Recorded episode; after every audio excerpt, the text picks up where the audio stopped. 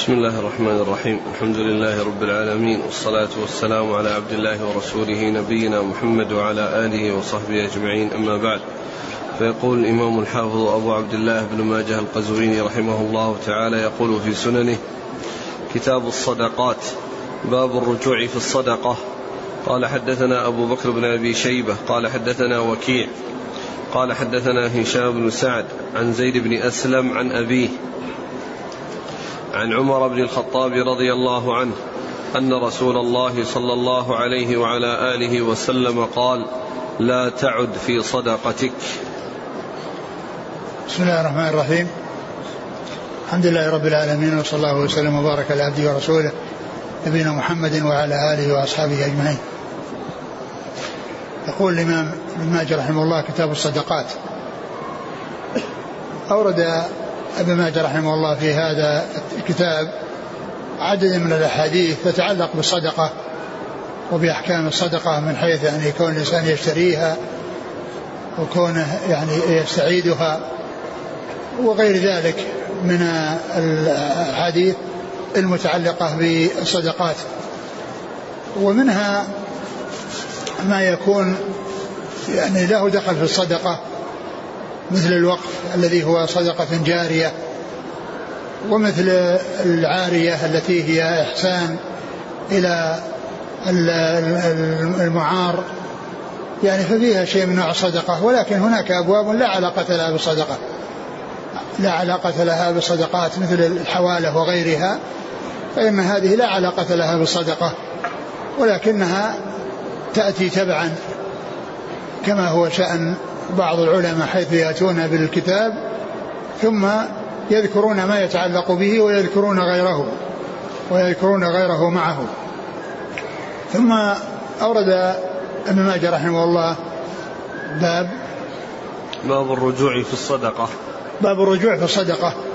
يعني أن ذلك لا يجوز لا يجوز الرجوع بالصدقة بأن يستعيدها وهذا من باب أولى بالنسبة للهبة إذا كان الهبة لا يجوز الرجوع فيها فالصدقة من باب أولى أنه لا يجوز الرجوع فيها وكذلك لا يجوز شراؤها يعني من الذي تصدق به عليه بها عليه لأن لأن ذلك فيه مجال لكون الإنسان. أولا فيه استعادة الإنسان صدقته والأمر الثاني أن فيه مجال لكون صاحب المتصدق عليه أنه آه، آه، لإحسان المتصدق عليه أنه يراعيه. يعني ويخفض له السعر لأنه قد أحسن إليه فيريد أن آه، يعني يجامله أو أنه يعامله معاملة طيبة من ناحية أنه يخفض له السعر. الرسول عليه الصلاة والسلام منع من ذلك. وجاء في حديث عمر رضي الله عنه أنه آه، سأله فقال لا لا تعود في صدقتك. يعني لا تعود في صدقتك يعني هذا يشمل كونه يشتريها ويشمل كونه يستعيدها ويكون من جنس استعادة العطية الهدية وهو أسوأ من استعادة الهبة. لأن لأن استعادة الصدقة من متصدق عليه يعني أسوأ من استعادة الهبة ممن وهبت له وقد يكون يعني تكون من غني لغني. وأما الصدقة فإنها في الغالب تكون من, من غني لفقير. نعم. قال حدثنا أبو بكر بن أبي شيبة. ثقة أخرج أصحاب الكتب إلى الترمذي. عن وكيع. وكيع بن الجراح ثقة أخرج أصحاب الكتب. عن هشام بن سعد. وهو صدوق. فهو أوهام. أخرج البخاري تعليقا ومسلم وأصحاب السنن. نعم. عن زيد بن أسلم. أخرج له أصحاب الكتب. ثقة أخرج أصحاب الكتب. عن أبيه وأسلم ثقة أخرج له. أصحاب الكتب. نعم. عن عمر بن الخطاب. عمر بن الخطاب رضي الله عنه أمير المؤمنين وثاني الخلفاء الراشدين الهاديين المهديين صاحب المناقب الجمة والفضائل الكثيرة وحديثه عند أصحاب الكتب الستة.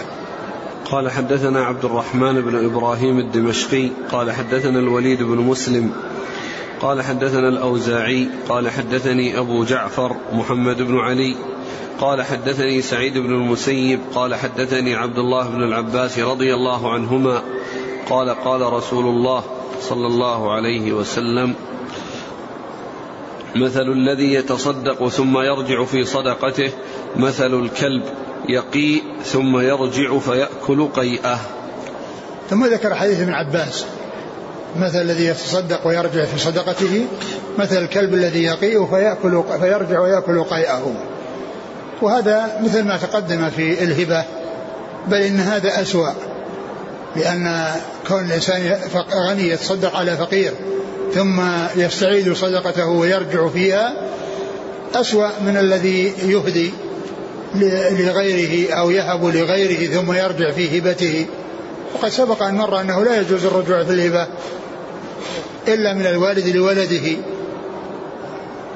وأما غير الوالد ولده فإن ذلك جائز. وسبق في الأحاديث التي فيها هذا التمثيل الذي ينفر من الوقوع في مثل هذا العمل لأن هذا الوصف وهذا التمثيل فيه تنفير وبعد للإنسان أن يقع فيه. نعم. قال حدثنا عبد الرحمن بن إبراهيم الدمشقي. هو الملقب دحيم وهو ثقة أخرج له البخاري. وأبو داود والنسائي بن ماجه. نعم. عن الوليد بن مسلم. وهو ثقة أخرج أصحاب الكتب. عن الأوزاعي. وهو عبد الرحمن بن عمرو الأوزاعي ثقة أخرج أصحاب الكتب. عن أبي جعفر محمد بن علي. وهو الباقر وهو ثقة أخرج أصحاب الكتب. عن سعيد بن المسيب. ثقة أخرج أصحاب الكتب. عن عبد الله بن العباس. رضي الله عنهما أحد العباد الأربعة من الصحابة وأحد السبع المكثرين من حديث الرسول صلى الله عليه وسلم. قال رحمه الله تعالى باب من تصدق بصدقة فوجدها تباع هل يشتريها؟ قال حدثنا تميم بن المنتصر الواسطي.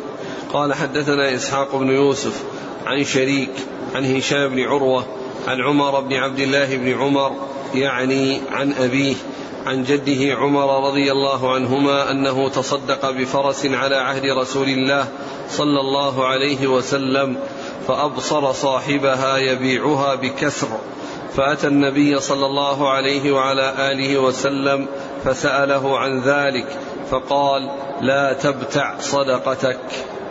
ثم ذكر باب من تصدق بصدقة فوجدها تباع. هل من يشتريها؟ من تصدق بصدقة فوجدها تباع. هل يشتريها؟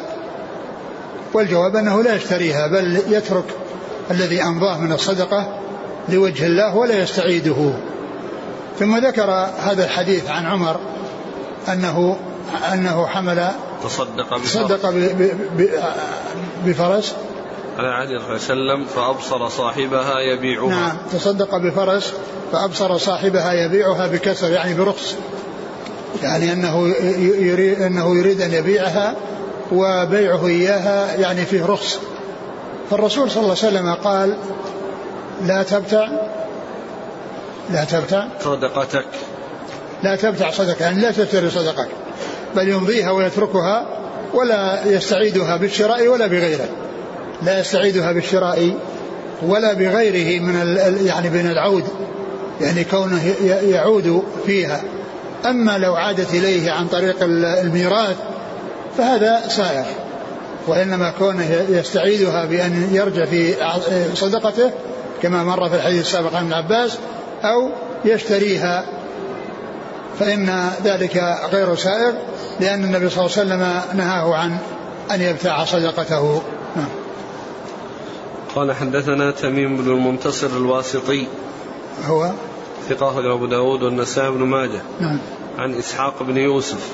وهو ثقة أخرج أصحاب أصحاب الكتب. عن شريك. شريك بن عبد الله النخعي الكوفي وهو صدوق اختلط. أخرج حديث البخاري تعليقا ومسلم وأصحاب السنن. عن هشام بن عروة.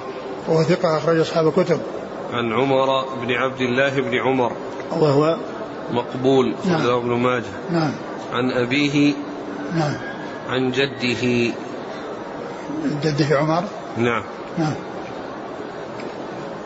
قال حدثنا يحيى بن حكيم قال حدثنا يزيد بن هارون قال حدثنا سليمان التيمي عن أبي عثمان النهدي عن عبد الله بن عامر عن الزبير بن العوام رضي الله عنه أنه حمل على فرس يقال له غمر أو غمرة فرأى مهرا أو مهرة من أفلائها تباع.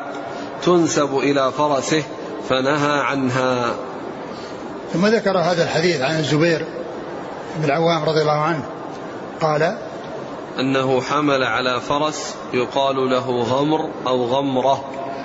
نعم. فرأى مهرا أو مهرة من أفلائها تباع. أنه حمل على فرس يعني أنه آه، يعني جعلها في سبيل الله يعني يحمل يعني الناس عليها.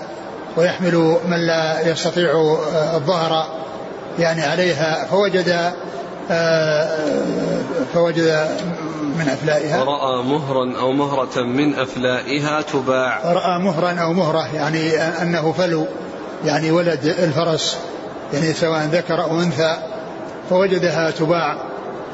فقال تنسب إلى فرسه تنسب إلى فنهى فرسه. عنها. فنهى عنها. يعني هذا مثل الذي قبله أن الإنسان لا يعود يعني في آه لا يعود في آه هبته أو لا يعود في صدقته آه لكن إذا كانت آه ولا شك أن ترك ذلك هو الأولى كل إنسان يعني يبتعد عن أن يشتري شيئا يتعلق بصدقته. لكن إذا كان هذا يعني من نسلها والذي يبيعه يعني غير غير الذي اشترى منه أو الذي يتصدق به عليه فإن ذلك لا بأس به لأن ما فيه المداراة أو المجاملة التي تكون يعني لكن كل إنسان يبتعد عنه ويتركه من أجل أنه خرج منه في لله فلا يستعيده ويتركه لا شك أن هذا هو الأولى. نعم. قال حدثنا يحيى بن حكيم. هو؟ ثقة أخرج أبو داود والنسائي بن ماجه. نعم. عن يزيد بن هارون. ثقة أخرج أصحاب الكتب. عن سليمان التيمي. وهو سليمان بن طرخان. ثقة أخرج أصحاب الكتب. عن أبي عثمان النهدي. وهو ثقة أخرج له. أصحاب الكتب. نعم. عن عبد الله بن عامر. عبد الله بن عامر قيل هو العنزي. نعم. وهو ولد على عهد النبي صلى الله عليه وسلم وثقة العجلي و- أصحاب الكتب. ويحتمل أن يكون غيره. قال الحافظ يعني يعني يحتمل يكون كذا وإلا وإلا فمجهول. نعم. عن الزبير بن العوام. رضي الله عنه أخرج أصحاب الكتب وهو أحد العشرة المبشرين بالجنة. وسبق أن قلت أن العشرة المبشرين بالجنة كلهم أخرج لهم أصحاب الكتب الستة. قوله فنهى عنها. يعني عن شرائها. الزبير. نعم. نعم يعني يبدو أنه الزبير. وإلا غيره لا يمنع من شرائها فنهى هو. نعم. هو نهى. لفظ إيش لفظ إيش لفظ؟ أنه حمل على فرس. يقال له غمر أو غمرة. فرأى مهرا أو مهرة من أفلائها تباع. تنسب إلى فرسه. فنهى عنها. أو فنهي ما عنها أدري. إذا كان نهي عنها يعني نهى الرسول صلى الله عليه وسلم. نعم. يقول من رجعت إليه صدقته بعينها بالهدية أهديت إليه. هل يأخذها؟ إذا كان الذي أهداها إليه يعني هو هو ال- ال- ال- المتصدق عليه فهو رجوع في, في, في, في, في الصدقة. يعني يقول له أنا لا لا أقبلها لأنها خرجت مني فلا تعود إلي. وأما إن كانت رجعت إليه من غيره من غير المتصدق عليه فإنه لا بأس بذلك والأولى أن أنه يتخلص منها أيضا نعم. قال رحمه الله تعالى باب من تصدق بصدقة ثم ورثها. قال حدثنا علي بن محمد قال حدثنا وكيع عن سفيان عن عبد الله بن عطاء عن عبد الله بن بريدة عن أبيه رضي الله عنه أنه قال جاءت امرأة إلى النبي صلى الله عليه وسلم فقالت يا رسول الله إني تصدقت على أمي بجارية وإنها ماتت فقال آجرك الله ورد عليك الميراث. ثم باب من تصدق بصدقة وورثها. يعني أن ذلك سائغ. وهذا يختلف عن كونه يشتريها أو يعني تهدى إليه لأن هذا يكون بفعله وب آه يعني ب يكون بشيء من من من من كسبه وفعله. أما خروجها وصولها إليه عن طريق الميراث فهذا لا دخل له به هذا لا دخل له فيه. يعني فالملك ينتقل من الوارث إلى الموروث من غير دخل للوارث فيه لأن هذا شيء أوجبه الله عز وجل وفرضه سبحانه وتعالى. فهذا رجوعه إليه بهذا الطريق آه، صحيح وسائق وجاءت به السنة عن رسول الله عليه الصلاة والسلام.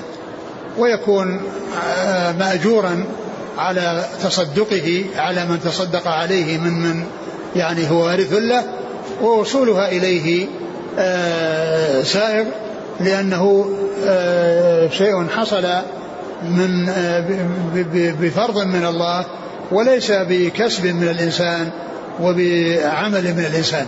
نعم. جاءت امرأة إلى النبي صلى الله عليه وسلم فقالت يا رسول الله إني تصدقت على أمي بجارية وإنها ماتت. فقال آجرك الله ورد عليك الميراث. آجرك الله دعا لها على تصدقها. لتصدقها على أمها بالجارية. وقال ردها ردها عليك الميراث يعني أنها رجعت إليك بالميراث أنك ملكتيها بالميراث. ما ملكتها باستعادتها أو ملكتها بشرائها وإنما ملكتها بشيء لا قبل لها به. إنما شيء جاء من الله عز وجل فرض فرضه الله و أو يعني آه، حكم به فوصوله إليه لا دخل له فيه أو عمل له فيه فيكون وصوله إليه سائغا ورجوع إليه سائغا والأجر قد ثبت وقد حصل بحصول التصدق. نعم. قال حدثنا علي بن محمد. الطنافسي ثقة أخرج هذا النسائي في مسند علي وابن ماجه. عن وكيع نعم. عن سفيان. سفيان هو ثوري ثقة أخرج أصحاب الكتب. عن عبد الله بن عطاء. وهو ثقة أخرج له. صدوق يخطئ أخرج له مسلم وأصحاب السنن. نعم. عن عبد الله بن بريدة. وهو ثقة أخرج أصحاب الكتب. عن أبيه. أبي بريدة بن حصيب الأسلمي رضي الله عنه أخرج له أصحاب الكتب.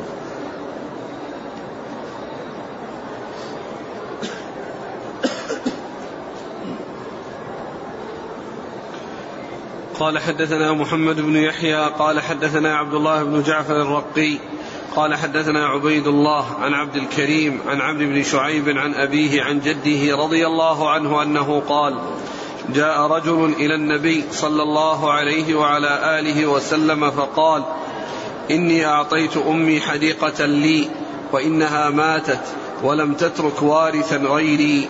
فقال رسول الله صلى الله عليه وسلم وجبت صدقتك ورجعت إليك حديقتك. ثم ذكر هذا الحديث عن عبد الله بن عمرو بن العاص رضي الله تعالى عنهما وهو مثل الذي قبله. رجل تصدق على أمه بحديقة وأنها ماتت وليس لها لها وارث غيره. فالنبي صلى الله عليه وسلم قال آآ آه، آآ آه، وجبت وجبت صدقتك, صدقتك وعادت إليك حديقتك. يعني وجبت إليك صدق عليك وجبت صدقتك يعني ثبتت وأنت مأجور عليها وعادت إليك حديقتك بالميراث الذي لا قبل لك به. فهذا مثل الحديث الذي قبله في أن الرجوع رجوع الصدقة إلى صاحبها عن طريق الميراث ممن تصدق بها عليه وقد مات وورثها أن ذلك سائغ لأنه لا قبل له به من فعله وإنما هذا فرض من الله عز وجل أن ما يخلفه الميت يرثه من فرض الله عز وجل أن يكون له من الورثة. نعم. قال حدثنا محمد بن يحيى. هو الذهلي ثقة أخرج حديث البخاري وأصحاب السنن.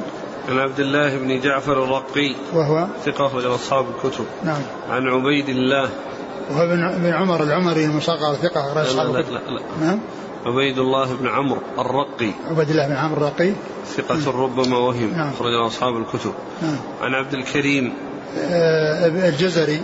ابن كريم بن مالك الجزري ثقة أخرج أصحاب الكتب.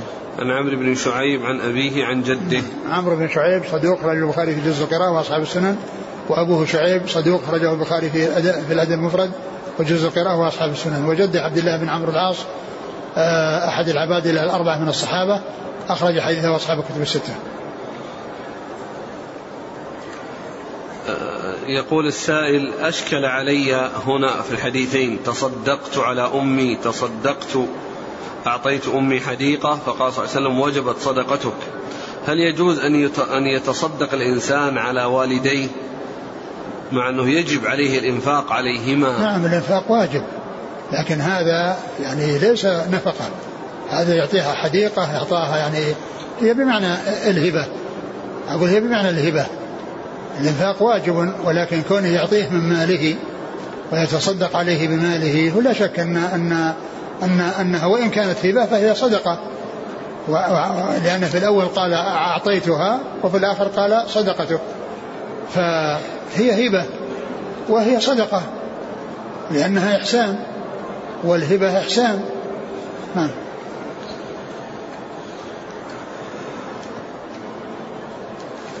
وهذه غير الزكاة لأن الزكاة لا تعطى للأصول ولا للفروع. وإنما هذه هبة وعطية وعطية لشيء كثير. قال رحمه الله تعالى باب من وقف. قال حدثنا نصر بن علي الجهضمي قال حدثنا معتمر بن سليمان عن ابن عون عن نافع عن ابن عمر رضي الله عنهما أنه قال أصاب عمر بن الخطاب رضي الله عنه أرضا بخيبر فأتى النبي صلى الله عليه وسلم فاستأمره فقال يا رسول الله إني أصبت مالا بخيبر لم أصب مالا قط هو أنفس عندي منه. فما تأمرني به؟ فقال إن شئت حبست أصلها وتصدقت بها.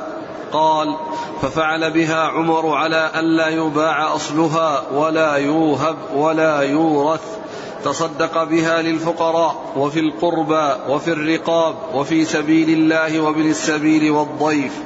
لا جناح على من وليها أن يأكلها بالمعروف أو يطعم صديقا غير متمول. ثم ذكر باب من وقف. والوقف هو صدقة بل هو صدقة جارية لأن الصدقات منها ما هو منتهي ومنها ما هو مستمر. والوقت صدقة جارية. وقد قال عليه الصلاة والسلام إذا مات ابن آدم انقطع عمله إلا من ثلاث صدقة جارية أو علم ينتفع به أو ولد صالح يدعو له. والصدقة المنتهية هي التي آه، يعطيه شيئا معينا ويكون بذلك شيء انتهى أعطاه هذه المرة وانتهى. لكن الصدقة الجارية يعني شيء آه، له له آه، ثمر أو له يعني مكاسب يعني تحصل منه ثم توزع على الفقراء والمساكين باستمرار. مثل ان يسبل دارا ويعني يعني يسكنها فقراء فإن النفع باستمرار حاصل أو يؤجرها ويوزع جارها أو يعني يبني مسجدا والناس يصلون به فهذه صدقة جارية. وقال ذكر ذكر الوقف وهو أن عمر رضي الله عنه أصاب أرضا بخيبر لم يصب شيئا من المال أنفس من هذه الأرض ويستأذن النبي صلى الله عليه وسلم في صرفها أو يعني آه، أن يجعلها في وجوه الخير. فالنبي صلى الله عليه وسلم قال إن شئت سبلت حبست أصلها وسبلت ثمرتها. بمعنى أنه يوقف فلا تباع الوقف لا يباع ولا يوهب ولا يورث وإنما هو شيء باقي غلته وثمرته تصرف في وجوه البر التي يعينها الموقف. تصرف في وجوه البر التي يعينها الموقف.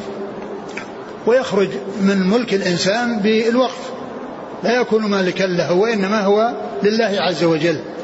فأصوله موقوفة لا تباع ولا تورث ولا توهب. وثمرته وغلته يستفاد منها كلما خرجت الغلة.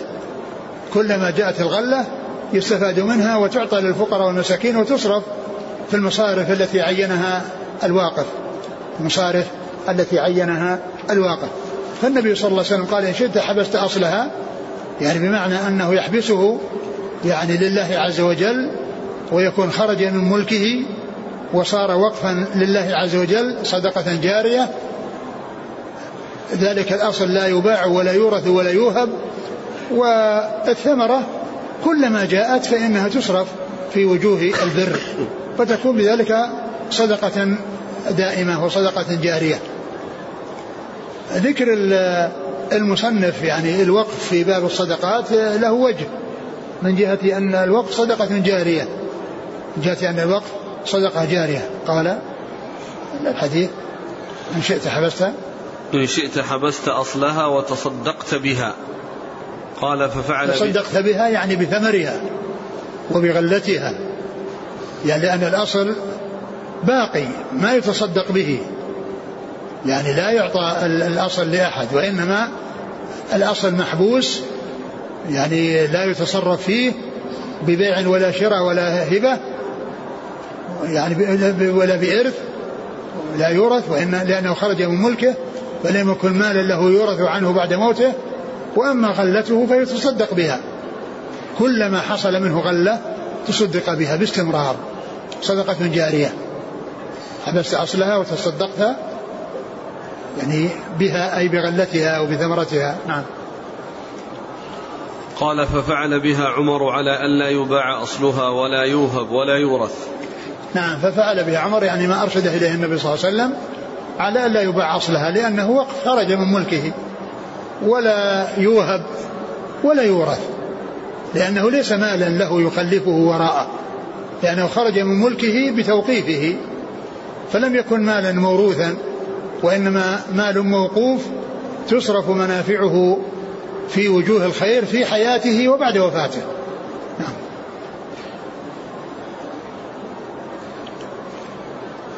تصدق بها للفقراء. وفي القربى وفي الرقاب وفي سبيل الله وابن السبيل والضيف.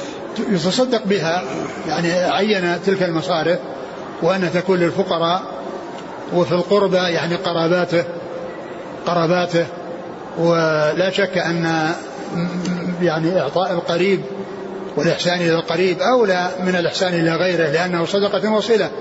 لأن فيه الجمع بين الصدقة والصلة. وكذلك الضيف. الذي يعني يأتي وينزل يعني فإنه يكرم يعني من من من من, من, من هذه الغلة. نعم. و لا جناح على من وليها أن يأكلها بالمعروف. يعني يأكل منها لأنه جاء في بعض النسخ يأكل منها. لا يأكلها كلها وإنما يأكل منها. فجاء في بعض النسخ أن يأكل منها. يعني له أن يأكل يعني من وليها أن يأكل منها و ويتصدق. أو يطعم صديقا غير متمول أو يطعم صديق له أن يأكل بنفسه وله أن يطعم صديقا غير متمول. يعني يعني لا يعطيه شيئا يتموله ويدخره وإنما يعطيه شيئا يأكله ويستفيد منه. لكن لا يعطيه مالا يتصرف في البيع والشراء أو يكثر له في العطية بحيث يعني يكون يعني يأكل ويبيع ويتصرف وإنما له للوالي عليها أن يستفيد منها وله أن يطعم يعني صديقا غير متمول يعني لا يتخذه مالا يعني بحيث يعني يكون مال بيده وإنما هو شيء يستفيد منه. فقط يعني شيء قليل لا يكون مالا ولا يتمول. نعم. قال حدثنا نصر بن علي الجهضمي. ثقة أخرج أصحاب الكتب وهو شيخ لأصحاب الكتب. عن معتمر بن سليمان. ثقة أخرج أصحاب الكتب. عن ابن عون. عبد الله بن عون ثقة أخرج أصحاب الكتب. عن نافع عن ابن عمر. نافع مولى بن عمر ثقة أخرج أصحاب الكتب. قال حدثنا محمد بن أبي عمر العدني. قال حدثنا سفيان عن عبيد الله بن عمر عن نافع عن ابن عمر رضي الله عنهما أنه قال قال عمر يا رسول قال عمر بن الخطاب يا رسول الله إن المئة إن المئة سهم التي بخيبر لم أصب مالا قط هو أحب إلي منها وقد أردت أن أتصدق بها فقال النبي صلى الله عليه وسلم احبس أصلها وسبل ثمرتها. قال ابن أبي عمر إني وجدت هذا الحديث في موضع آخر في كتابي عن سفيان عن عبد الله عن نافع عن ابن عمر قال قال عمر فذكر نحوه. ثم ذكر هذا الحديث ومثل الذي قبله. النبي صلى الله عليه وسلم أمره بأن يسبل الأصل بأن يحبس الأصل ويسبل الثمرة يعني يجعلها في سبيل الله. فجعلها عمر رضي الله عنه في الفقراء والضيف والقربى ويعني والرقاب آه، فالموقف يذكر الشيء الذي يكون مصرفا للوقف. والحديث هو مثل الذي قبله وهو بمعناه وذكر وهو عن ابن أبي عمر وذكر أن فيه طريقين الطريقة الأولى فيها عبيد الله وهو المصغر الثقة والطريق الثاني فيه عبد الله وهو المكبر الضعيف. ولكن الطريقة الأولى التي هي كونه المصغر مطابق لما تقدم في الحديث السابق الذي فيه إثبات التحبيس للأصل والتسبيل للمنفعة. نعم. قال حدثنا محمد بن أبي عمر العدني. هو صدوق حديث مسلم. الترمذي والنسائي بن ماجه. نعم. عن سفيان. هو ابن عيينة ثقة أخرج أصحاب الكتب. عن عبيد الله بن عمر. وهو ثقة أخرج أصحاب الكتب. عن نافع بن عمر. نعم. ثم قال عن سفيان عن عبد الله عن نافع. عبد الله يعني بدل عبيد الله عبد الله. يعني إنه آه، عبد الله وعبد الله ضعيف. لكن لو كان الحديث ما جاء إلا من طريقة فإن المتن صحيح لأنه ثابت بطرق أخرى. يقول السائل هل يجوز وقف المنافع؟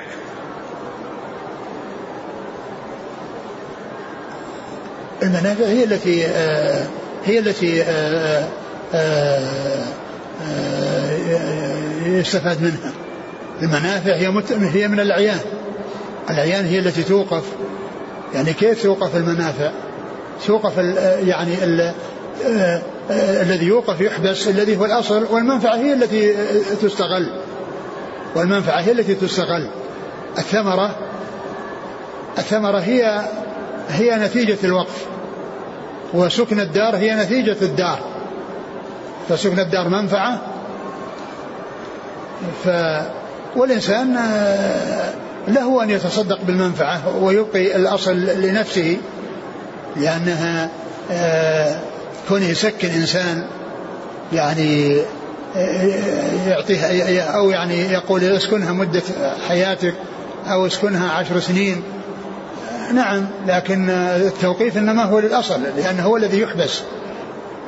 والمنفعة هي التي تستغل وتستفاد. فالإنسان يمكن إنه يعني آه، يفيد غيره بالأصل بالفرع مع وجود الأصل له بحيث إنه ما ما ما سبله لأنه ما خرج من ملكه لأنه ينتقل للورثة إذا تصدق بالمنفعة وأبقى الأصل فإنه ينتقل للورثة وإن حبسه وصار وقفا فإنه لا يورث.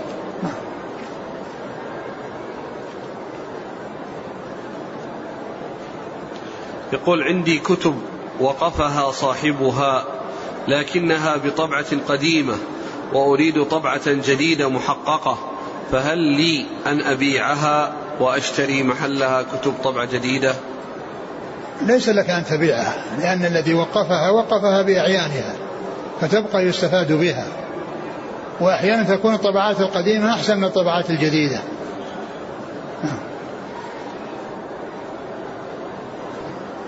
هل يجوز وقف شيء أصله من حرام؟ إن الله طيب لا يقبل إلا طيبا ما حكم الأوقاف التي توقف على قبور الأولياء والصالحين؟ هذا وقف باطل. يعني وقف على حرام ولا يجوز تنفيذه. إذا أوقف الواقف على أهل بيته من أبناء وبنات. هل تحسب توزيع؟ نعم, نعم. كيف؟ هل تحسب؟ وهل تحسب حساب الورث؟ أم كيف يكون لا ما هذا على حسب يعني التوقيف مقصود به الإحسان والصدقة. فإذا وقفها على من يكون من من مستحقا يعني لها فإن من يستحق يستفيد. ومن لا يستحق لا يستفيد. رجل في بلدي بنى مصلى صغير على أرض غير رجل في بلدي بنى مصلى صغير على أرض يملكها وله بيت موجود على نفس القطعة بينهما مسافة بسيطة فهل يعتبر الجزء الذي عليه المصلى وقف؟ إذا كان أنه جعله وقفا فإنه يكون وقف أما إذا يعني جعله أو بذله ليصلى فيه في وقت معين ولم يوقفه فإن الإنسان لا يعتبر هذا وقف لأنه ما ما وقفه. ولكن أذن للناس بأن يصلوا فيه آه، ولم يوقفه. لأنه إن كان أوقفه خرج من ملكه. وإن كان أذن للناس أن يصلوا فيه في وقت معين ما خرج من ملكه باقي في ملكه. يقول الكتب التي توزع مجانا هل تعتبر لها حكم الوقف؟ إذا كان مكتوب عليها وقف فإنها تكون وقفا. وأما إذا كانت هدايا أو أنها يعني تعطى للإنسان يعني هدية يملكها فإن هذه ما يقال لها وقف.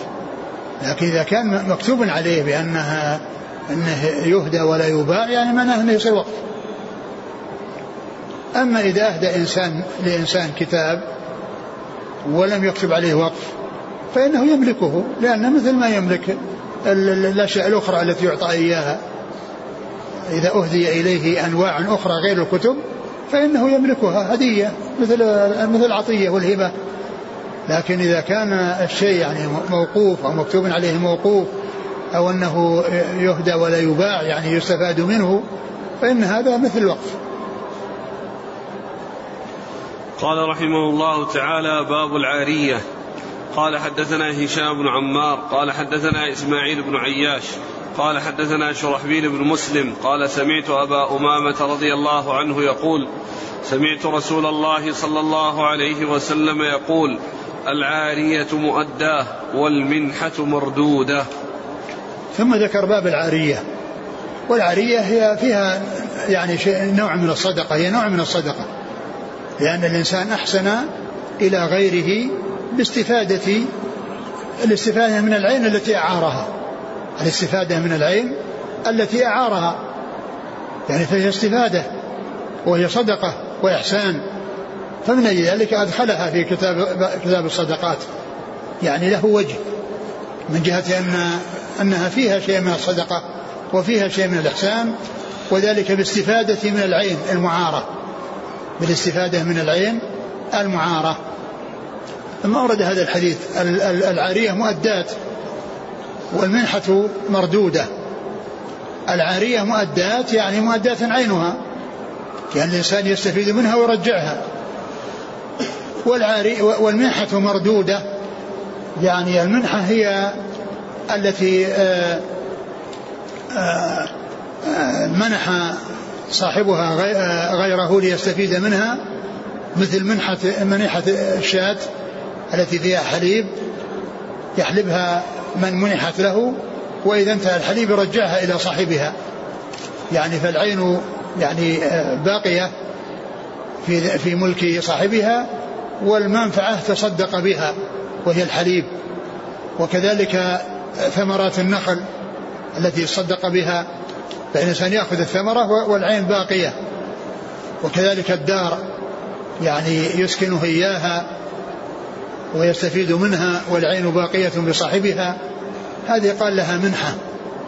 وهي مردودة يعني العين مردودة إذا استفيد من المنحة. واستفيد من الفائدة التي التي آه، أعطيت له أو مكن منها. كأخذ الثمر يأخذ الثمر والعين لصاحبها. آه، يأخذ يستفيد من الدار والعين لصاحبها. يستفيد من حليب الشاة والشاة لصاحبها. فإذا استفاد الإنسان وانتهت الفائدة التي أعطي إياها من أجلها أعطيت أعطي العين ليستفيد من فائدتها من منفعتها فإن العين تعاد إلى صاحبها وهي ملك لصاحبها. ليست ملكا للممنوع لأن الممنوع إنما منح المنفعة ولم يمنح العين. فالعين فالمنفعة له والعين يردها إلى صاحبها بعد أن يستفيد من الشيء الذي منح له وهو الثمرة بالنسبة للنخل والسكنة بالنسبة للدار والحليب بالنسبة للشاة. نعم. قال حدثنا هشام بن عمار عن إسماعيل بن عياش. إسماعيل بن عياش صدوق في رواية عن الشاميين وهذا منها. أخرج له. البخاري في رفع اليدين وأصحاب السنن. نعم. عن شرحبيل بن مسلم. وهو؟ صدوق فيه لين نعم. ابو داود والترمذي بن ماجه. نعم. عن أبي أمامة. سدي بن عجلان الباهلي رضي الله عنه اخرج أصحاب الكتب.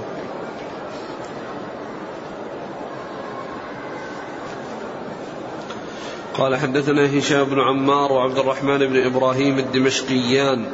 قال حدثنا محمد بن شعيب عن عبد الرحمن بن يزيد عن سعيد بن أبي سعيد عن أنس بن مالك رضي الله عنه أنه قال سمعت رسول الله صلى الله عليه وسلم يقول العارية مؤداة والمنحة مردودة. وهذا مثل الذي قبله.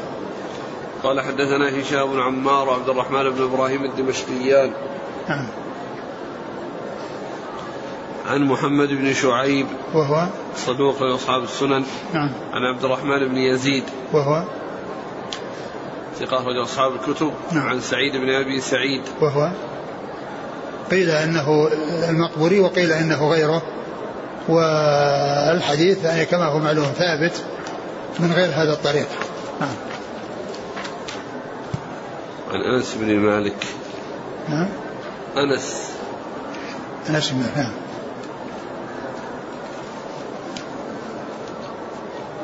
يقول هل هناك فرق بين العارية والمنحة؟ يعني يبدو أنه لا فرق بينهما. لا فرق بينهما بس المنحة. العارية يعني كان يعيره يعني قدر أو يعيره يعني آه شيء. والمنحة يعني آه شيء يعني آه يعني آه يستخرج من من من الممنوح من الشيء اللي منح إياه كثمرة. يعني يعني تؤخذ وك يعني حليب يؤخذ. وأما العارية فشيء يستعمل. أقول شيء يستعمل مع بقاء أصله. يعني قدر أو صحن أو أشياء يعني يعني ينتفع بها مع بقاء أصلها. يعني لا يستخرج منها شيئا وإنما يستفيد من تلك العين بأن يطبخ فيها أو يعني يغرف فيها الطعام ويقدم الطعام. فالمؤدى هما واحد كل منهما يعتبر يعني إحسان لكن العارية يعني يستفاد منها مع بقاء عينها. وأما هذا فهو شيء فرع أو ثمر أو أو حليب يعني يستفاد منه والعين باقية لصاحبها.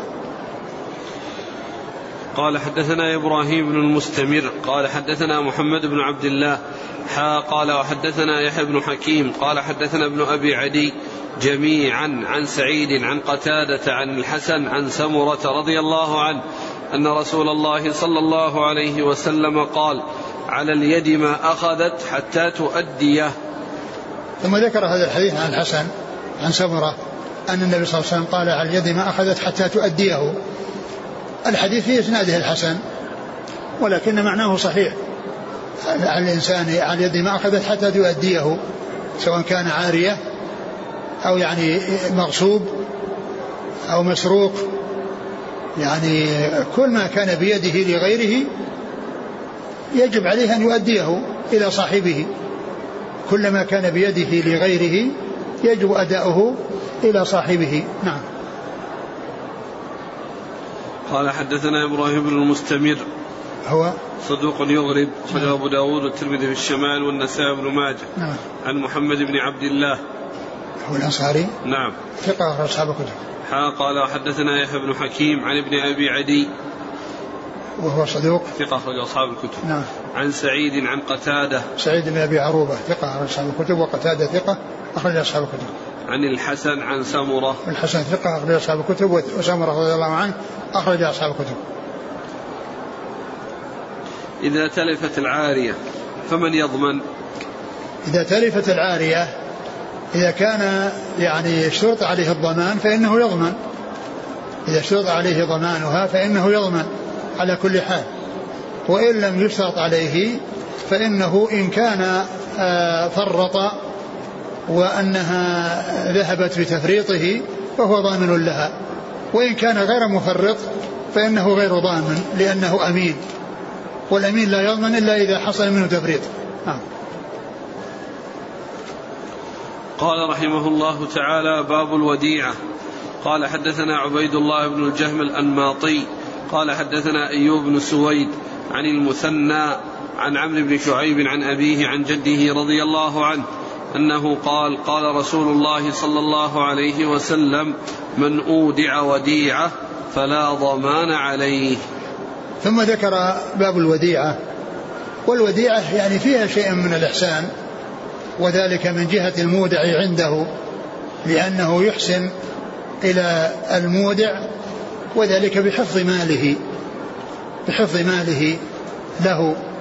يعني ففيها شيء من الإحسان. من هذه الجهة إحسان المودع عنده إلى المودع وذلك بحفظ هذا الذي أودع عنده. ثم ذكر هذا الحديث قال من أودع وديعة فلا ضمان عليه. من أودع وديعة فلا ضمان عليه. هذا يقيد فيما إذا كان غير مفرط. أما إذا كان مفرطا فإنه فإنه يضمن. لتفريطه أما إذا كان غير مفرط فإنه ليس ليس ليس بضامن.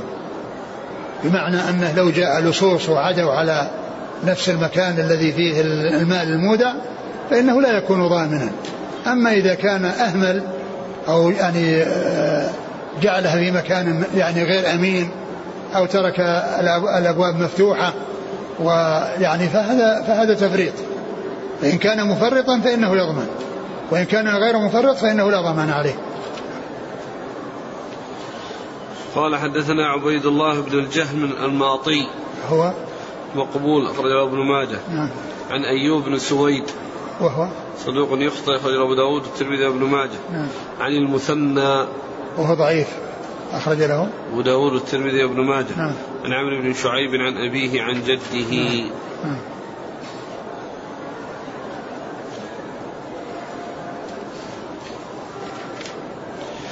قال رحمه الله تعالى باب الأمين يتجر فيه فيربح.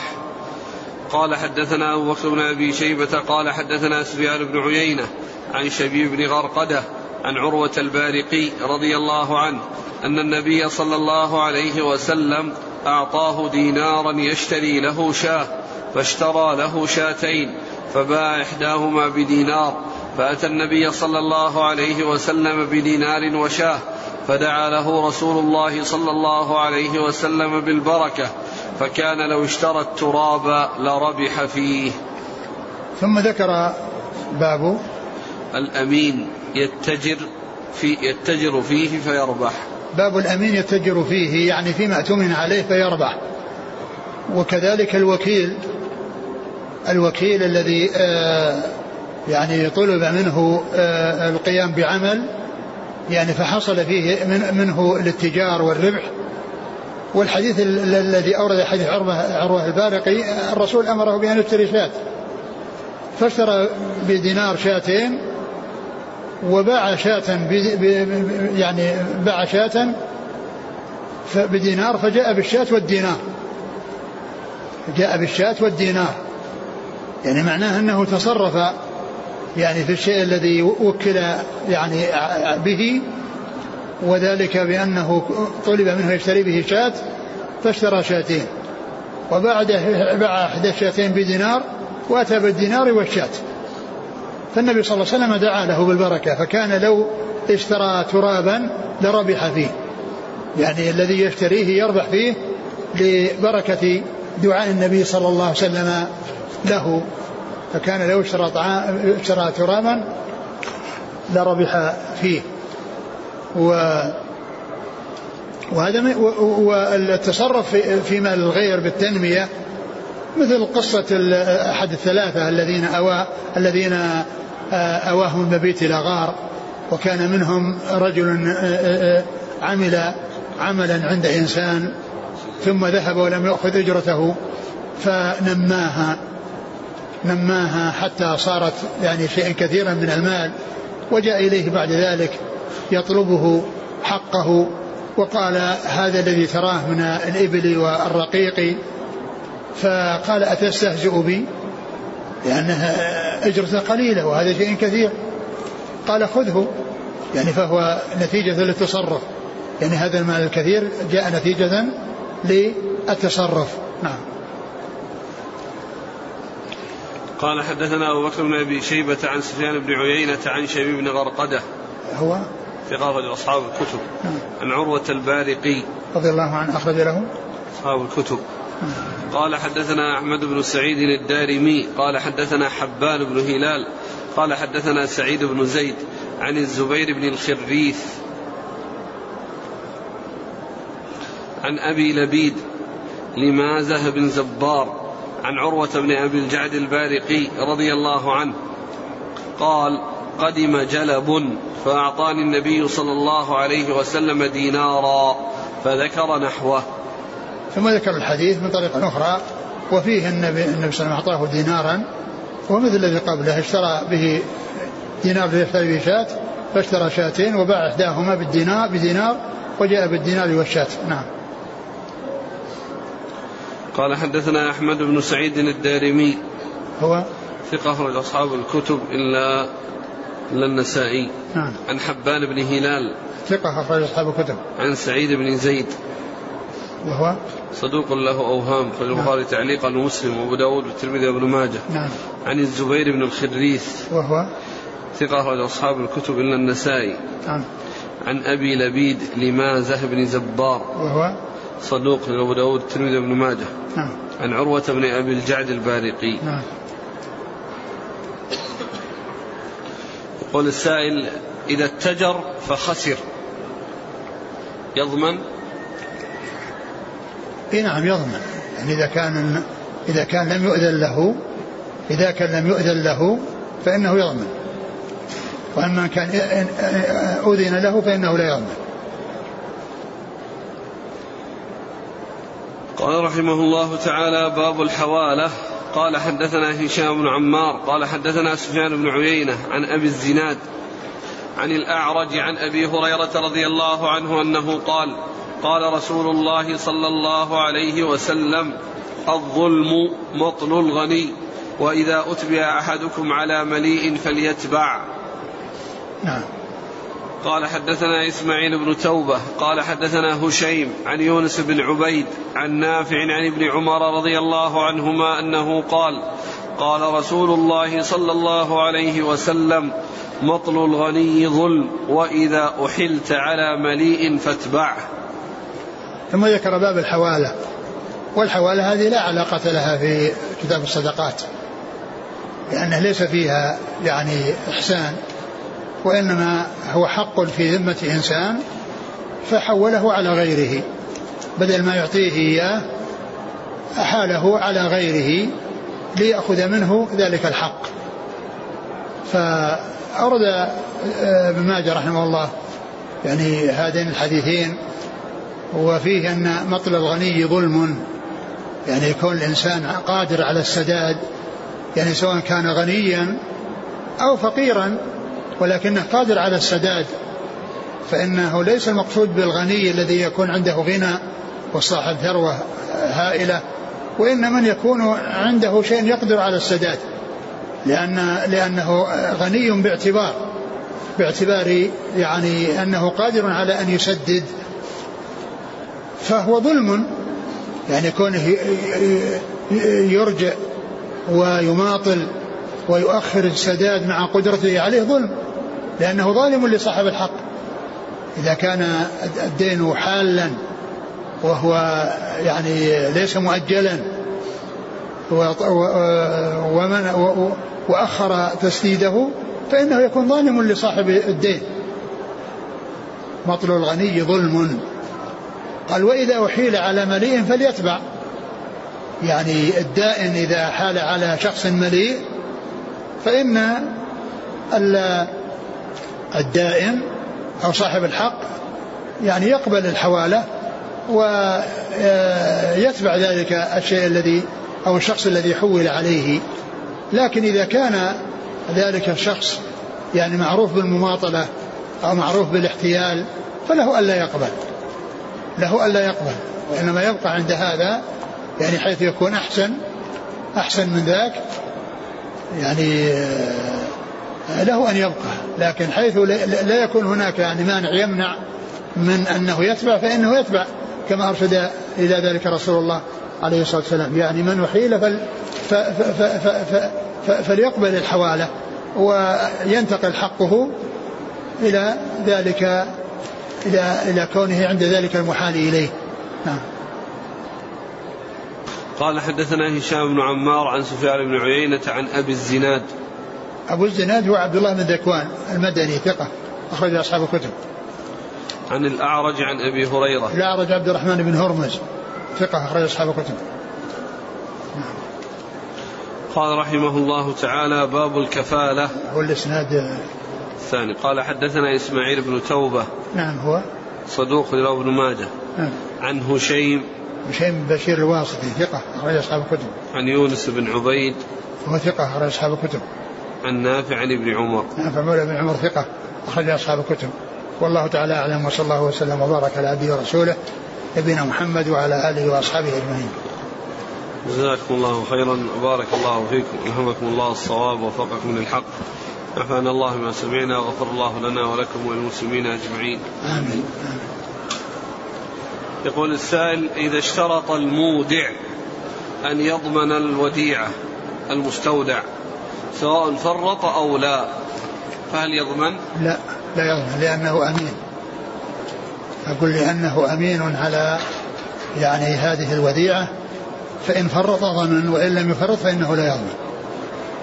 كذلك بالنسبة للعارية إذا اشترط عليه.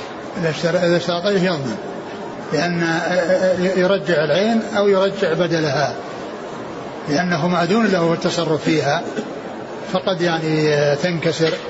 وقد يعني يحصل يعني لها خلل فهو يأتي, يأتي بها يعني أو يأتي ببدل منها.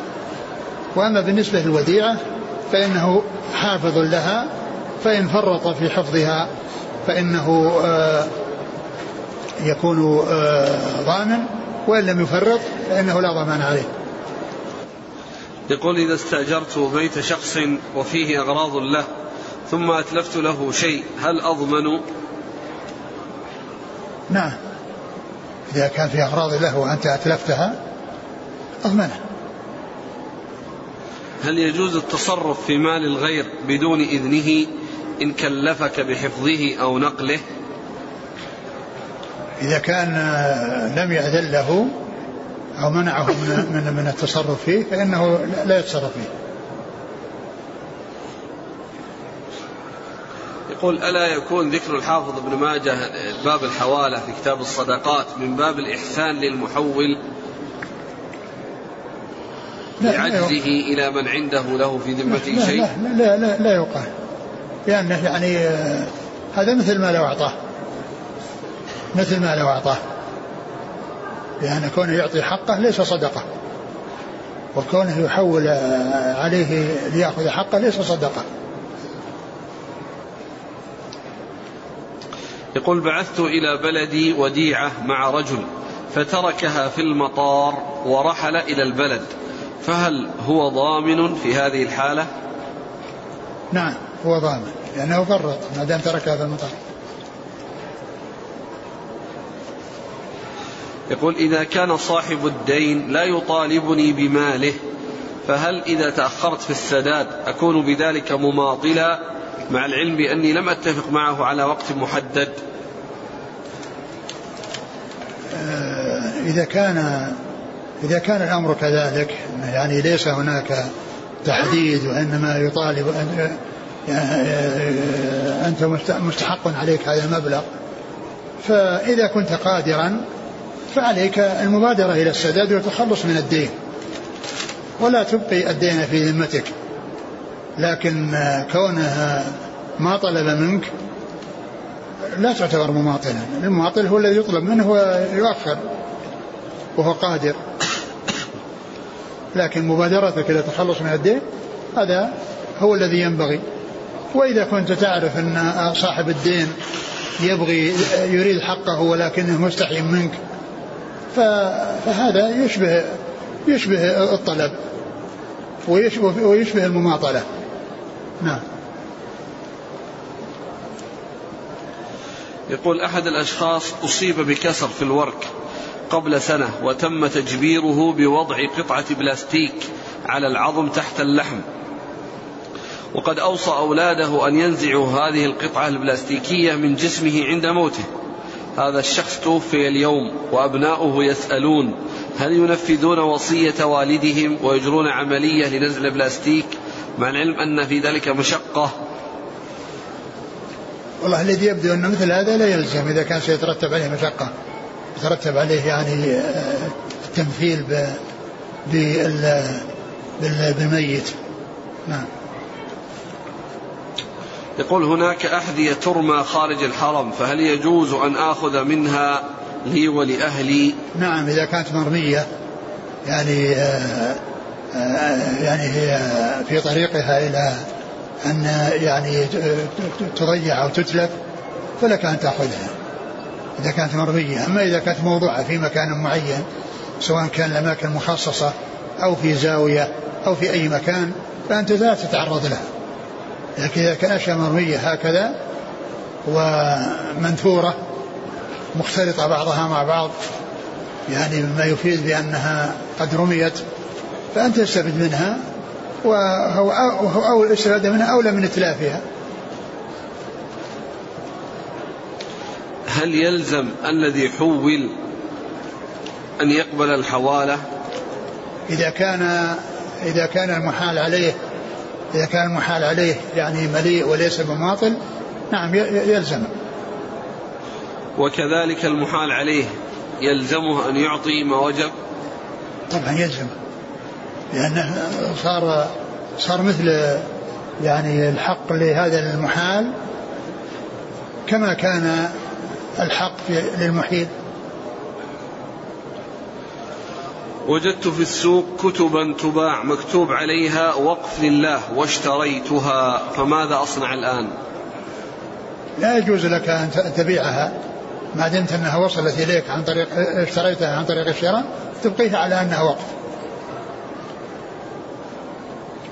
هل يجوز أن أبدل مصحفا جديدا بمصحف قديم من المسجد؟ لأن خطه أوضح علما أنه لا يقرأ به أحد. ما الذي يدريك بأنه لا يقرأ في أحد؟ لماذا وضع في المسجد؟ فالمساجد لا يؤخذ منها شيء لا يؤخذ ولا يبدل إلا بإذن المسؤولين عن تلك المساجد. قال إمام في بلدتنا كل ما في المسجد وقف إلا الماء فإنه لا يجوز وقفه فهل قوله صحيح كل ما في المسجد وقف نعم. إلا الماء فإنه لا يجوز وقفه آه آه الماء كما هو معلوم هو آه يعني مستنفد وليس يعني شيئا ثابتا فيعني هو لا شك إنها من الصدقة الجارية كون أن الناس يعني يوضع ماء والناس يشربون منه. هذا من الصدقة الجارية. ووقف الماء كما هو معلوم يعني سائر كون الناس يعني يوقفون الماء بحيث يعني يوقف له بئر أو يوقف له يعني آه يعني آه خزان أو يوقف له يعني شيء. وكونه يعني صدقة جارية هو صدقة جارية. يعني كونه يؤتى بالماء دائما وأبدا للمساجد هذا لا شك أنه من الصدقات الجارية. هل يجوز أن يوقف الواقف على أبناء الأبناء دون البنات؟ آه، ما ينبغي هذا. ينبغي أن يسوى يعني بين أولاد البنات الأبناء وأولاد البنات. جزاكم الله خيرا. سبحانك اللهم وبحمدك أشهد أن لا إله إلا أنت أستغفرك وأتوب إليك.